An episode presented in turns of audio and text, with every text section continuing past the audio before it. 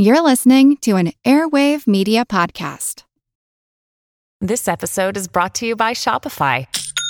Forget the frustration of picking commerce platforms when you switch your business to Shopify, the global commerce platform that supercharges your selling wherever you sell. With Shopify, you'll harness the same intuitive features, trusted apps, and powerful analytics used by the world's leading brands. Sign up today for your $1 per month trial period at shopify.com slash tech, all lowercase. That's shopify.com slash tech. What does filmed for IMAX mean? It isn't just a movie that'll look great on IMAX's screens. It means that hiding from a sandstorm feels like fear in every flicker and every triumph is felt in every sound wave. And the things we've only imagined, you can truly experience those too. That's what filmed for IMAX means. Get tickets to experience Dune Part 2 now and IMAX's exclusive expanded aspect ratio. This is Kick Ass News. I'm Ben Mathis.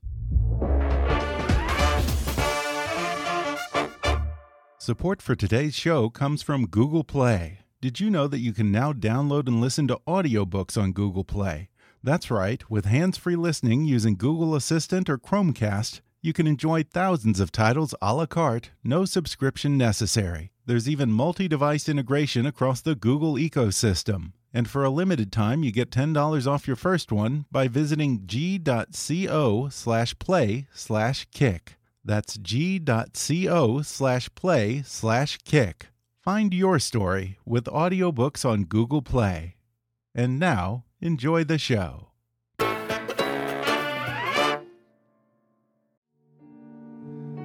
Walking around, I got no one to talk to. There's everyone, and then there's just me. If I could change, don't you think that I'd do it? God only knows why he cursed me to be a straight white man. I state my problems, other people roll their eyes. Three trips to the mall, zero khakis in my slide. I've never been the victim of a random search for drugs. You can't say my life is easy until you've walked a mile in my Uggs. Straight white man. I know the road looks tough ahead. The women want rights, the gays want kids. What? Can't you just leave us alone and also no to the things you asked for? They're being greedy and they know it, okay? That was a song from comedian Bo Burnham's 2013 Netflix special. Bo Burnham first gained notoriety in 2006 at the age of 16 when he posted two parody songs on YouTube that went viral virtually overnight. Since then, his videos have been viewed over 228 million times, and he's become one of the most popular young comedians working today, having starred in three hour long live comedy specials by the time he was 25. In his music and stand up performances, he both satirizes and sympathizes with the existential woes of his generation, commenting on race, gender, religion, sexuality, social media, and pop culture. Now he brings that same biting humor and piercing insight to a new movie that takes an honest and empathetic look at adolescence. Eighth Grade is Bo Burnham's debut film as a writer and director. It premiered at the Sundance Film Festival, where it was nominated for the Grand Jury Prize and walked away with the Audience Favorite Award. Eighth Grade just opened in theaters nationwide to rave reviews from critics, and today Bo joins me on the podcast to talk about some of the autobiographical elements of his movie, why he went to great lengths to avoid nostalgia in his portrayal of middle school, and how casting a real 13 year old girl kept him honest. He shares how he drew inspiration from watching hours of web videos made by preteens, how much the internet has changed since he made his own YouTube debut in 2006, and why he doesn't pass judgment on millennials' addiction to social media. He discusses the challenges of being a first time director, why he only allowed his lead actress to read the script for eighth grade one time, and how this comedian known for very big humor learned to appreciate the small moments. Plus, a few words of wisdom for kids going through those awkward years. Coming up with Bo Burnham in just a moment.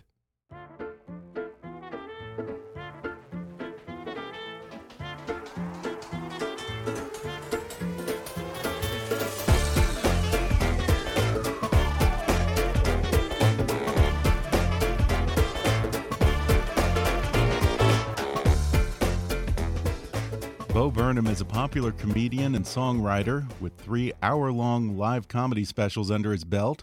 He's also directed specials for Jerrod Carmichael and Chris Rock, and now he's written and directed his first feature film called Eighth Grade. It premiered to raves at the Sundance Film Festival this year, and it's now out in theaters. Bo Burnham, welcome to the podcast, Thanks and congratulations. Appreciate it. Thank you. You know, I really enjoyed this movie, and I went into it not thinking that I was going to because I'm not usually a big fan of teen movies. You know, they tend to always be really kind of dumb humor, or on the flip side, they're always too schmaltzy and Right. sentimental, overly dramatic, you know, Yeah. for the actual events taking place. Right, right. This film has the ring of truth to it. No, that's nice. I appreciate it. You know, of all the places that you could have gone with this, why did you land on the eighth grade? Uh, I, I had been interested in. I, I was wondering why there weren't more middle school movies for a while. You know, Mhm. I think we there's a lot of high school movies, understandably, because I think we like to look back on high school. it's a time that we are excited by, and I think middle school is the time we try to forget, specifically Mhm. eighth grade, sort of try to bury. Um, so I wanted to make a movie that was not nostalgic, was not a memory, but was visceral and felt, um, and tried to tackle that time as it feels to kids now, which hopefully you know feels universal and hopefully you Yeah. feel nostalgic as you watch it. But the in- intent was not to you know revisit my past; it was more to try to engage with this kid's present. Uh, Yeah, and I think the thing that I love the most about Eighth Grade, the movie, not not the experience, Right, is, right, right. is that it kind of does say everything that anyone with a few years of hindsight would want to tell an adolescent about that period in their life. That all of these things that seem so important really are nothing, and your life is going to have so many more chapters, so many fresh starts. Nothing is really the end of the world, even though it seems like it at that age. Right, but the feelings they feel are real Yeah. and important and and you know the sort of things you start to wrestle with at that age are going to be things that you're going to wrestle with for the rest of your life. You know, little simple things she talks about like being yourself and how to be confident. It sounds very corny, but the truth is like I don't know how to be myself still. Do I know how to be confident? Like those are Yeah. those are deep questions and I think you do start to wrestle with those things very very early. Yeah, it's not something that you ever really get over. You just learn to accept it as part of life. There's a I great guess. quote that's like um, maturity is a phase, adolescence is forever. And I think that's kind of true. yeah, and you have such a great message for young people, but it's also a very smart, mature film for adults that's done incredibly well on the festival circuit. Who is the audience for this movie? You know, I I just wanted to make a movie that I wanted to see, you know, and I'm a childless 27 year old mm. man. So, you know, I hope parents can see themselves in the film. I hope kids can see themselves, but I also hope people that, you know, might not directly demographically align with either see themselves Yeah. expressed in it. I I am most personally invested. I have been most personally changed and affected by movies that I don't demographically align with, you know, and that's a Mhm. very powerful thing in art and especially movies is that to see yourself and to see feelings you recognize in someone that might not be like you. So, you know, there's a it's not like Hamlet is only for princes of Denmark. It's not like Apollo 13 is only for astronauts, you Yeah. know. So, a movie about 8th grade I think can be for everybody too, I hope. Well, when you were this age, were you the kind of kid who people might describe as a 30 year old in a 13 year old's body? No, I was a hammy loser. Oh, really? Yeah, I was like I was a hammy little thirteen year old boy that was just like eating dirt and like kicking things. I mean, I, I was not. It wasn't until fifteen or sixteen that I kind of became my you know self aware at all. Um, I think it probably starts on average for girls a little bit earlier. Um, but yeah, I, I see myself in her much more now than I did then. You know, Oh, I. I have much more in common with the character now. Fans of yours will see some parallels to your own life because the main character, Kayla, makes YouTube videos with dreams of being an internet celebrity. You, of course, got your break, I think, in high school when you were recording comedic songs on YouTube that went viral. How much of this film is autobiographical? Well, you know, it's it's funny. It's like her relationship with the internet is much more autobiographical with my relationship with the internet now. I mean, yes, Oh, I was trying to express myself at that time, but the internet didn't ask as deep of questions of you in 2006 when I was starting. It was like, you got a funny Yeah. song, post it online. Uh, you got a funny skit, post it. And now the internet's really asking you to reflect yourself. You know, a big shift has happened in the last 10 years. And it, you know, it's much more. For for example, when I was young, it was MySpace. Um, you got a photo and some of your interests, list them, and now it's Twitter and Instagram. What do you look like? What do you think? What do you look like? What do you think? Those are base, weird questions. Um, so the sort of like the sort of uh, mind, you know, the the, the the sort of messing with her head that she's dealing with is hmm. is much more on par with what I deal with now. I, I- I don't think the internet reached that deep into us in 2006. Yeah, I don't think that there was that belligerence where fans and the internet think that they're somehow entitled to a piece of your soul and they want to know every intimate detail. When you're on vacation, they want to see photos and everything. Yeah, it's it's very strange. It's a strange thing, especially for kids to have to engage with. To not only have to maintain your life in the real world, but maintain your life online. It's Yeah. it, there's enough on your plate when you're that age. Your body is exploding and your mind is mush. And it's interesting how it's changed since you first started out with these YouTube videos because I think when you started out, it seemed like the internet was sort of a means to an end. You know, Right, right, people right, who did things on the you know, on social media or on YouTube were trying to get a TV deal, trying Yeah, to get yeah, attention yeah. for that. Now it has become the end, Yes, where exactly. just being an internet celebrity is its own thing. And sometimes yeah, it's even the reverse. it's it's like people go on TV shows so they can get more Twitter followers. You know, it's kind of the opposite. But Yeah. yeah. and and and that's part of it is to is to um, say that. And I believe that the internet is a valid form of expression and a valid form of representation. It's not like okay. Now that I'm portraying the internet in a movie, it's finally real. You know, it's not Yeah. that. It's just I'm trying to bring it into this other medium and and also respect the internet. You know, this isn't trying to be a takedown of it. This isn't trying to be a TED talk about the dangers of the internet. I'm just trying to be an emotional description of it, which is it's great and it's bad. It's it's Mm-hmm. it's every if it was just bad, it'd be so much easier to address. Problem is, it connects us and it isolates us. It stimulates us and it numbs us. It does all these things. Um, Yeah. and, and we just need to, I think, talk about it in a more subtle way than Russia or however we're talking about the internet nowadays. Yeah, because the media does portray it as Facebook, Instagram, Snapchat. All of this is just acerbating the worst aspects of being a teen the bullying, the clicks, obsession with trends.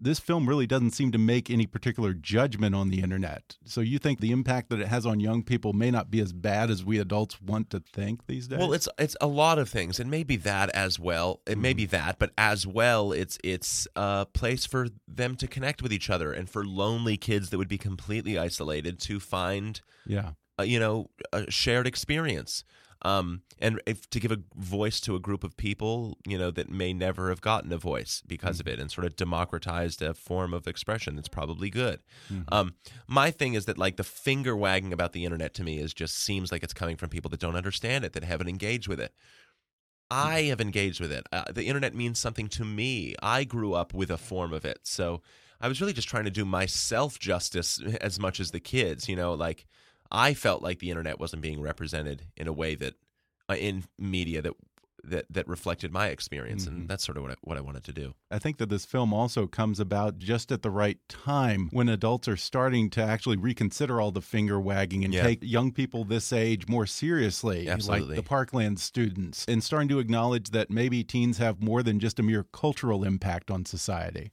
Yeah, and that they they have a real perspective on their experience that is unique and valid and probably more valid.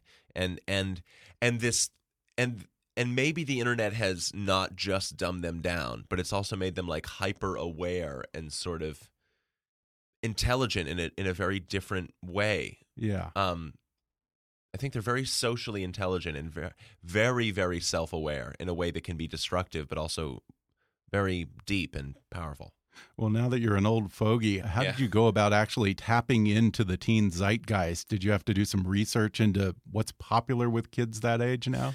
Yeah, no. Well, it's really like if you want to learn anything about these kids, they're posting everything about themselves online, so it's pretty easy to find anything out. Yeah. And also, you know, I wasn't writing a novel; I was making a movie, so I knew that Mhm. like I was not the only author of this thing. I wanted real kids of that age to be part of the movie and to be able to express themselves and author their own moments. So, um, yeah, th- th- that was really what it was. It was it was just letting go of the control more than you know trying to have this incredibly specific vision that all the kids need to bend to. I read that you also searched eighth grade vlogs online and looked for kids, I guess, with the least amount of views on YouTube. Or Yeah, you sort of by upload date, Yeah. and you get Okay. the most recently uploaded videos, which are kids, you know, with 12 subscribers. What did you learn from doing that? That you know that, that that was the sort of the inspiration for the script, seeing these kids talk about their lives and seeing how complex their quote unquote performance was of themselves, and uh, thinking, man, if this were a performance in a movie, it would be absolutely incredible. Mhm. Um, the boys tended to talk about Fortnite, and the girls talked about their souls, so it was like, well, okay, probably going to be about a girl. um, but yeah, it was. Um, yeah, it was just I just found it, the internet can sometimes, as it's represented, because the sort of stuff that's rewarded on it and the stuff that kind of goes viral tends to be very glossy and and f- very apparently fake. But if you dig just a little below the surface, the internet can be a real well of just raw, raw humanity Mhm. in, in a way that no other popular medium is able to do. To to get access to someone so unfiltered, so unprocessed, it's really exciting. Did you think that I guess girls were better conduits for adolescent angst, or I that think- they had more so. introspection? I think probably in a way. I think they than a boy tend to, yeah, maybe actively introspect or Mhm. actively express that in a way that just registers cinematically a little better. And also, it did insulate me from projecting my own experience onto it. You know, Uh-huh. I, I I then couldn't make a nostalgic movie, which I didn't want to do. I didn't want to talk about my eighth grade experience. Okay. And, it, and it being a girl sort of forced me to have to humble myself before whatever her truth was. I mean, what is it? It's got to be like 13 or 14 years since you were in the eighth grade Yeah. yourself. You know, when directors make movies about that period, with all that hindsight, they do tend to be overly sentimental. How else did you manage to avoid the nostalgia trap and manage to portray adolescence in such an authentic way? I just tried to think of it like I was World War II. Like it was like I was making a World War II movie with veterans. You know what I mean? Like, and it was like I didn't go through this because the disconnect from me from her that I have is twofold. I was never a 13 year old girl, and I was never a 13 year old now, and both of those lend themselves to a very specific experience that I wanted to serve. So, Mhm. Yeah, uh, I was just trying to listen, just listen, listen to the kids. Uh, you know, let them lead. Yeah. Um, and just try to be honest. Did you ever have to catch yourself when you were maybe writing too much like an adult? No, well, because I had the dad character to be and, and the teachers to be out of touch. Because I was also Okay. trying to give voice to the out of touch hmm idiots like me that don't know things. So um, that was nice. The the adults in the movie are out of touch Mhm. that don't know what's going on. So it was good to have them to be able to voice all of my stupid questions I had that I probably knew the answers to. Yeah, I think one of the best and most heartfelt moments in this film is between the main character Kayla and her dad. I mean, God, how I felt for that poor guy. I mean, we are such assholes to our parents when we're Yeah, that yeah. age, aren't we? That's the job of the parent, though. That like kind of the job as a parent is to be a punching bag a little bit. They've got so much shit Yeah. going on. It's like let them get it out on you. They can't get it out Mm-hmm. at school. They can't get it out on their teachers. The sometimes the only people we can be cruel to are the people we love and are comfortable enough to be cruel to. So part of it's like that's the job. That's that's part of the job description is to take it. They've got a lot going on on the inside. And the main character of Kayla, she talks about wanting to make this big leap from being an introvert. In fact, she gets voted, I think, the class Most quiet, quietest, yeah, most, most quiet. quiet. and she wants to come out of her shell and eventually sort of begins to force herself out of that. Is that what music and comedy were for you? Were they a way for you to come out of your shell? Or, or were you I totally. was I was a know, little more out out. of Of, I didn't get out. I didn't get into my shell until sort of late in life. You oh, know, Oh, really? it's funny. Yeah, I, I was more out of my shell when I was younger, Okay. and that's again why it was like I was really just trying to make a movie about how I was feeling at the time I wrote it. Mhm. Um, but yeah, no, in a way, yes. I, I I was terrified as a kid, terrified of authority, terrified of being in trouble, anxious all the time. Um, and yeah, I think so. Well, well, certainly, certainly, music, comedy, theater, all that stuff is a way for me to engage with the world and express myself, Mhm. and it's very important for kids to do.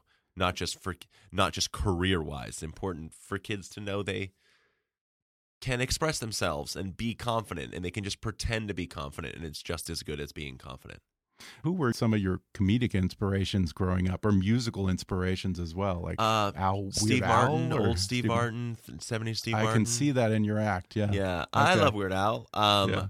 Uh, George Carlin and yeah, Chappelle. How about Um, I mean, not not musically? inspire. I mean, I just love Yeah. Chappelle. I, I I'm- wouldn't say I was inspired by him. I, I'm not good enough to be inspired by him. But also musically, is there a lot of musical theater in I your love background? Jonathan growing up. Larson, maybe. Yeah, If- yeah, yeah, yeah. Um, some you know Tom Lehrer in that Mhm. space. Uh, Yeah.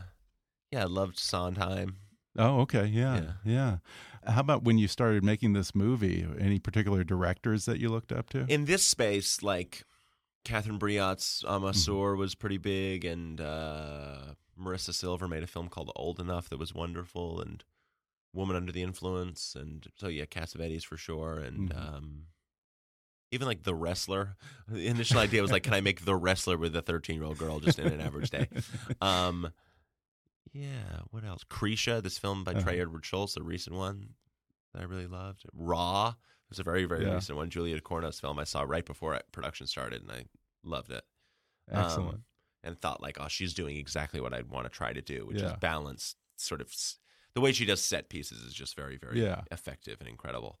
Um, yeah, It- one, it- one flew of the cuckoo's nest. oh yeah. It's a good one. Like the chaos of the actors in that, the, the Yeah. controlled chaos of the acting is just so beautiful and raw Yeah. and natural and structured.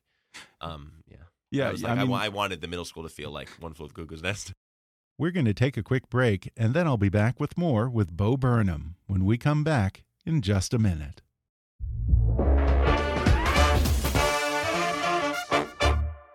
Hey guys, I want to tell you about Dollar Shave Club.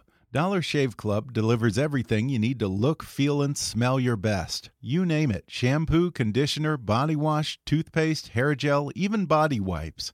Dollar Shave Club is my one stop go to for all of my toiletries, and I've especially become a huge fan of their amber and lavender calming body cleanser. It smells absolutely fantastic, and it's a great way to get your day going. But all of Dollar Shave Club's products are great and made with top shelf ingredients that won't break your budget. Plus, shipping is free with your membership. And here's a great way to try a bunch of Dollar Shave Club's products. For just 5 bucks, you can get their Daily Essentials starter set. It comes with body cleanser, one wipe Charlie's, their amazing wipes, their world famous shave butter, and their best razor, the 6-blade Executive. Keep the blades coming for a few more bucks a month and add in shampoo, toothpaste, or anything else you need. Check it out at dollarshaveclub.com slash kickass. That's dollarshaveclub.com slash kickass.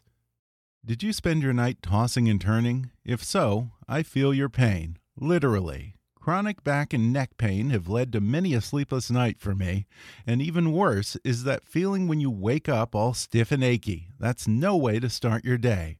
I talk a lot on this podcast about the importance of getting a full night's sleep. It's vital to your physical, mental, and emotional health, and even your overall longevity. That's why I want you to know about Purple Mattress. Made with brand new material that was developed by an actual rocket scientist, the Purple mattress will feel different than anything you've ever experienced. Unlike traditional memory foam, the Purple mattress is both firm and soft, so it's supportive yet comfortable.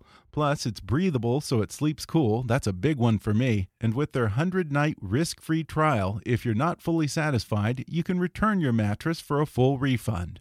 Not to mention, it's backed by a 10 year warranty with free shipping and returns. Folks, you're going to love Purple. And right now, our listeners will get 10% off your entire order in addition to this week's free gift with the purchase of a mattress. Just go to purple.com and use my promo code KICK at checkout. That's purple.com, code KICK. The only way to get 10% off plus your free gift if you use code KICK at checkout.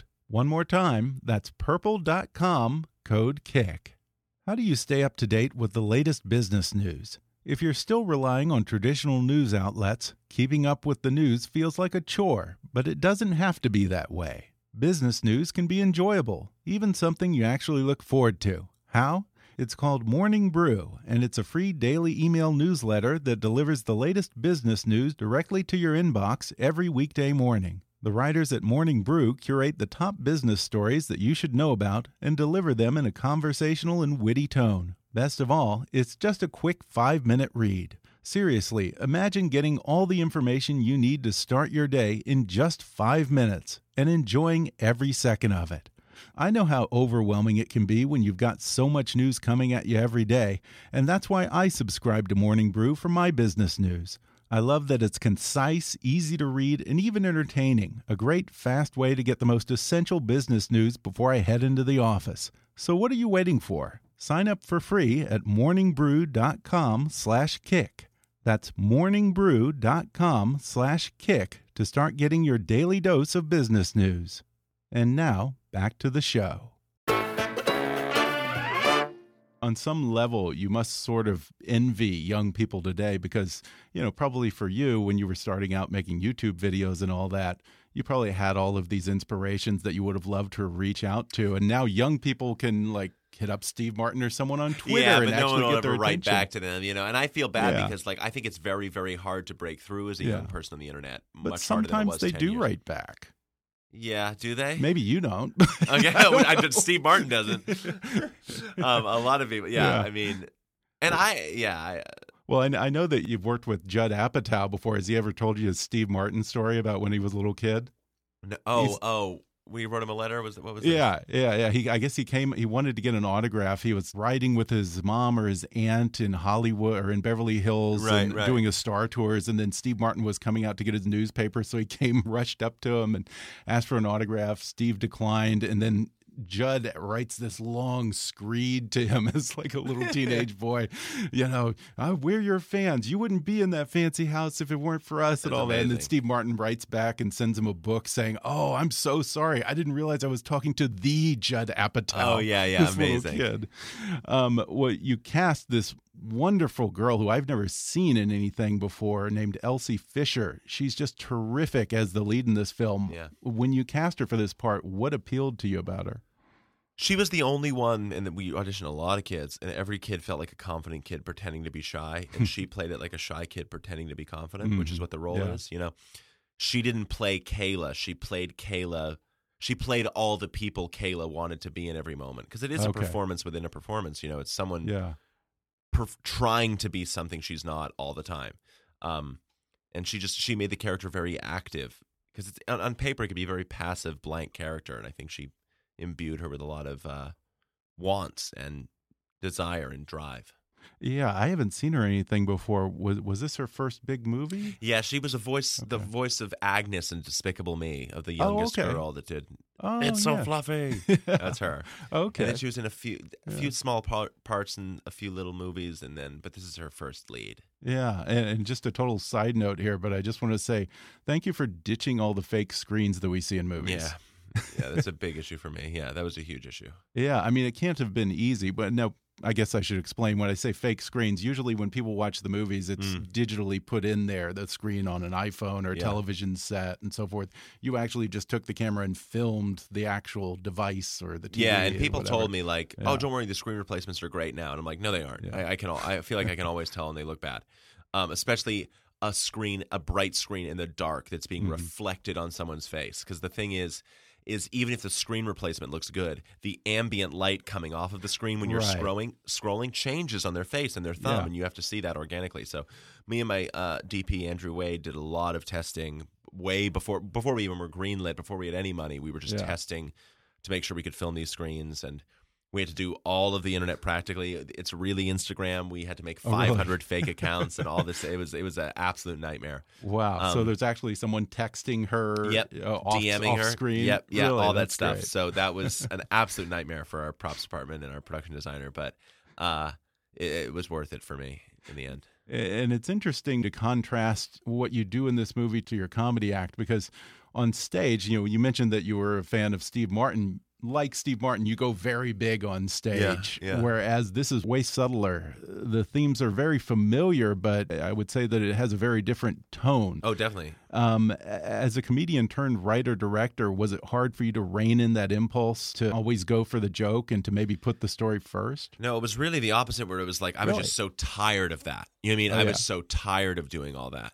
But yeah, you're exactly right. Like my, my stage show, very written, trying to be clever, satirical, cynical, ironic, all that stuff. And I was just so tired of that stuff.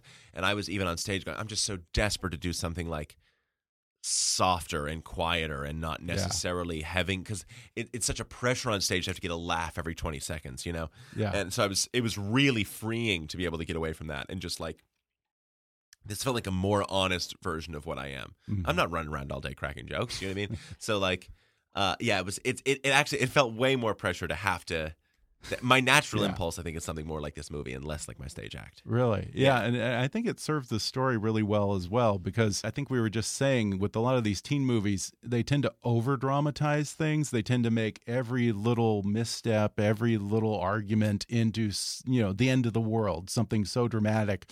Whereas this film seems to kind of revel in the small moments. And yeah, they feel like the end of the world to her, Yeah. but they aren't actually. That's sort of the thing is that like because life feels so intense to kids that age, they make movies that are that intense Mm-hmm. Yeah, in structure. exactly. But we wanted to make something that was like, can we make a movie feel as intense as it Yeah. feels to her, but it's actually just a regular day in her life. Um, you know, it's not like when she walks out to the pool party, everyone's pointing and laughing at her. You know, it's not like she's got a milkshake poured on her head. You know, those things don't need to yeah. happen for it yeah, to be there's no Carrie moment in this film. Yeah, and and and, Yeah. and, and it no one she's not really severely bullied or you know there's a Mm-hmm. pretty, there's some rough moments in there but but we wanted to represent how life is which I think in life just for everybody way less in the movies I think people are so non-confrontational I think people are so terrified terrified of conflict in real life Yeah. people do not yell at each other very often people are scared to con- and bury confrontations and the and the sort of stress of our lives is more low level accumulated than it is pyrotechnic. you Yeah. know? In service to that, a lot of the dialogue, I have to say, comes off very naturally. Did you leave a lot of room for improv? To the actor's credit, really no. I mean, No. the, the monologues were written. Wow. Yeah. So, um, the thing about being yourself is, uh, like, ugh, I'm reading this off a piece of paper. You know, it wasn't that she had to be word Yeah. perfect. I'm not going, you missed an um here, Mhm. but the scripts were written to be art- inarticulate. So there was a certain amount of freedom, I guess, moment to moment to you know. Yeah. But but the, the, it is written. It is. Okay. It is. Uh, and that's I'm saying that for the credit of Elsie. Like it Yeah. wasn't like just be yourself and I'll figure this out. She's giving a very technical, reliable performance, Mhm. and I can show can show you multiple takes of her stumbling in the same spot every time. Like this wasn't just a documentary. She's she's giving a very very technical performance. Wow. Now, I heard that you only let Elsie read the script, I think, once before you went into it. Yeah. Um, I've always heard that Woody Allen does something similar to that, in that I guess he only gives people the pages right before they shoot or the morning of the Yeah, shoot. Yeah, we did that Uh, as well. She got her pages Really? the, No the morning of. Uh, Do you think that that gives you a more natural performance than when you let an actor exhaust every possible read of a line before they go yeah, before it should be fresh in your mind. Yeah. and, uh, I think I just don't think sitting with things and over baking them works Mm-hmm. too well. I mean, it can for some actors. There are wonderful theater actors that can do that, but it, it's also uh, actor by actor, but also really a project by project thing. For this, Mm-hmm. we wanted it to feel very, very spontaneous and new, and and like these thoughts are occurring in real time. So. It, it had to be very fresh. She also has an inc- like a very photographic memory, so she can read something one, like a monologue once and have it memorized word perfect. Really? So it was best. I just didn't want her in her own head before the Yeah. shoot, th- overthinking the scenes. Just th- let's just get it, just throw ourselves into them and see what happens. Yeah, yeah, she's just terrific in it. Were there any funny behind the scenes moments? Did you guys laugh off camera a lot? Oh yeah, she was laughing all the time. People think Yeah. she was so stressed out because she looked so stressed out in the movie, but even in the pool party, she was you know laughing Yeah. and, and screwing around the whole time. And the Gucci, her little sign off, is hers. I mean, that's something she Oh, would yeah. say on set all oh, the Oh, time, really? and I would say back to her to make fun of her or, or just to embarrass her. And then eventually, we filmed the videos at the very, very end of the shoot, and I was like, "She needs Yeah. a sign off," and so I let it be hers. So she literally has the last word of the movie. That that is her. I, I, don't- I don't even Interesting. get it. I don't even know what it means. Uh, Are you a very funny director as a comedian come director? What what is it like behind the scenes on I don't know. set? I, I hope Do I'm an crack a actor's of jokes? director. No, Yeah. not really. No, I, I hope I'm just. Well, yeah, sure. I'll keep it light and fun, but Yeah. like my, I hope I just the actors feel like they are being seen and attended to, and Mhm. I'm in it with them. I really do feel like I'm in it with the actors. You know, I kind of feel like I need to act in order to direct. hmm Like I need to act with them. Have you thought about what you might direct next? I'm not a great multitasker, so No, once this okay. is over, I'll just bang my head against the wall Yeah. and try to think of something else. But I'd love to do another movie if the if the idea is right. Yeah. Would you go back to this particular chapter, the teen years? Fifth grade would be great, thing? like Lord of the Flies. Oh, yeah. like Okay. true chaos. Yeah. Or do like an Apu trilogy and Yeah. keep checking in with Kayla. I, I'd be up for whatever. Uh, how about a musical? Yeah, I'd love to do a musical. I'd probably love to do a musical for the stage, though. Um, Okay. More than, more than the screen, I think. Yeah, yeah, yeah. I mean, that would be fantastic. Yeah, that'd would be very love fun. to That's see a that. very, very long process, though. That's like an Oh, eight, sure. eight year process, but I'd Yeah. love to dig into that at some point. Well, weren't you at some point working on uh, a movie musical? I think. yeah, with I think Judd. with Judd. Uh, Yeah. with Judd Apatow. Yeah. Yeah. Um, it was like an R-rated high school musical, and it was I was 18, so I was not prepared to do it, but it was a very great process. And I, Yeah. you know, learned a lot from Judd during that. Yeah. You think you might revisit it at some point? Probably not. Okay. I don't think I could ever read that All right. script that I wrote when I was 18, but I'm happy I did it. Yeah. And I'm happy it wasn't made. yeah. At the top, I mentioned that this film kind of says everything that you want a kid at that age to know. Uh, I wonder, do you worry that because it is such a smart film that you know went the festival route and received all this critical praise that it might not reach the young people who sort of most need to hear that particular message? You know, I, I- I've sort of my whole you know tiny career has been built off of thinking kids are smarter than you think they are. You know, Yeah. and they've always surprised me. So, um, and I don't think this th- thing's too smart or anything. I think Yeah. I think it's just trying to be honest, and I think they can take honesty, and you Mhm. know. And I think it's for people three years out of eighth grade too, so Mhm. or four or True, ten or twenty. So like, if if it if in a couple years they look back on this time, that'll be nice. Um, Yeah. So, and we've had eighth graders that connect with it. You know, we've seen a lot of eighth graders at the screenings. So Oh, no kidding. yeah, it's for Okay. it, you know I think it's for a certain probably type of kid that's Yeah. maybe open to it, but yeah, no judgment. Yeah. Now, before we go, what would you want teens and also the parents of, of teens or adolescents to take away from the movie, aside I- from a good time? Well, I hope the teens, I hope that parents leave empathizing for their kids a little more. I hope Yeah. that kids leave empathizing for their parents a little more. That'd be nice. and maybe inspire a conversation. We just want to give the tools to maybe have a conversation. We just want to make you feel something. We don't really need you to take away anything specific. We're just trying to inspire feelings. Well, it's just a fantastic film, and I encourage everyone to see it. Once more, it's called Eighth Grade. It's in theaters now. Bo Burnham, congratulations, and thanks for talking with me. Appreciate the time. Thank you. Thanks again to Bo Burnham for coming on the podcast. Eighth Grade is now playing in theaters nationwide. For more information and showtimes, visit eighthgrade.movie. Also, check him out at boburnham.com and follow him on Twitter at, at boburnham. Hey guys, I'm such a big fan of Dollar Shave Club, and I'm so happy to have them as a sponsor on the show. Dollar Shave Club delivers everything you need to look, feel, and smell your best. You name it shampoo, conditioner, body wash, toothpaste, even wipes to keep you feeling clean.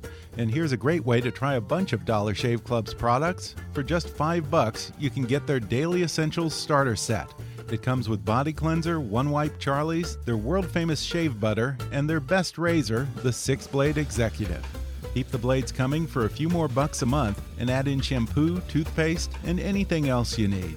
So show your support for the show and check it all out at dollarshaveclub.com slash kickass. That's dollarshaveclub.com slash kickass. Support for today's show comes from Google Play. Did you know that you can now download and listen to audiobooks on Google Play? That's right, with hands free listening using Google Assistant or Chromecast, you can enjoy thousands of titles a la carte, no subscription necessary. There's even multi device integration across the Google ecosystem. And for a limited time, you get $10 off your first one by visiting g.co slash play slash kick. That's g.co slash play slash kick. Find your story with audiobooks on Google Play. If you haven't already, be sure to subscribe to Kickass News on iTunes and leave us a review. You can follow us on Facebook or on Twitter at, at KickassNewsPod. And as always, I welcome your comments, questions, and ideas at comments at kickassnews.com. I'm Ben Mathis, and thanks for listening to Kickass News.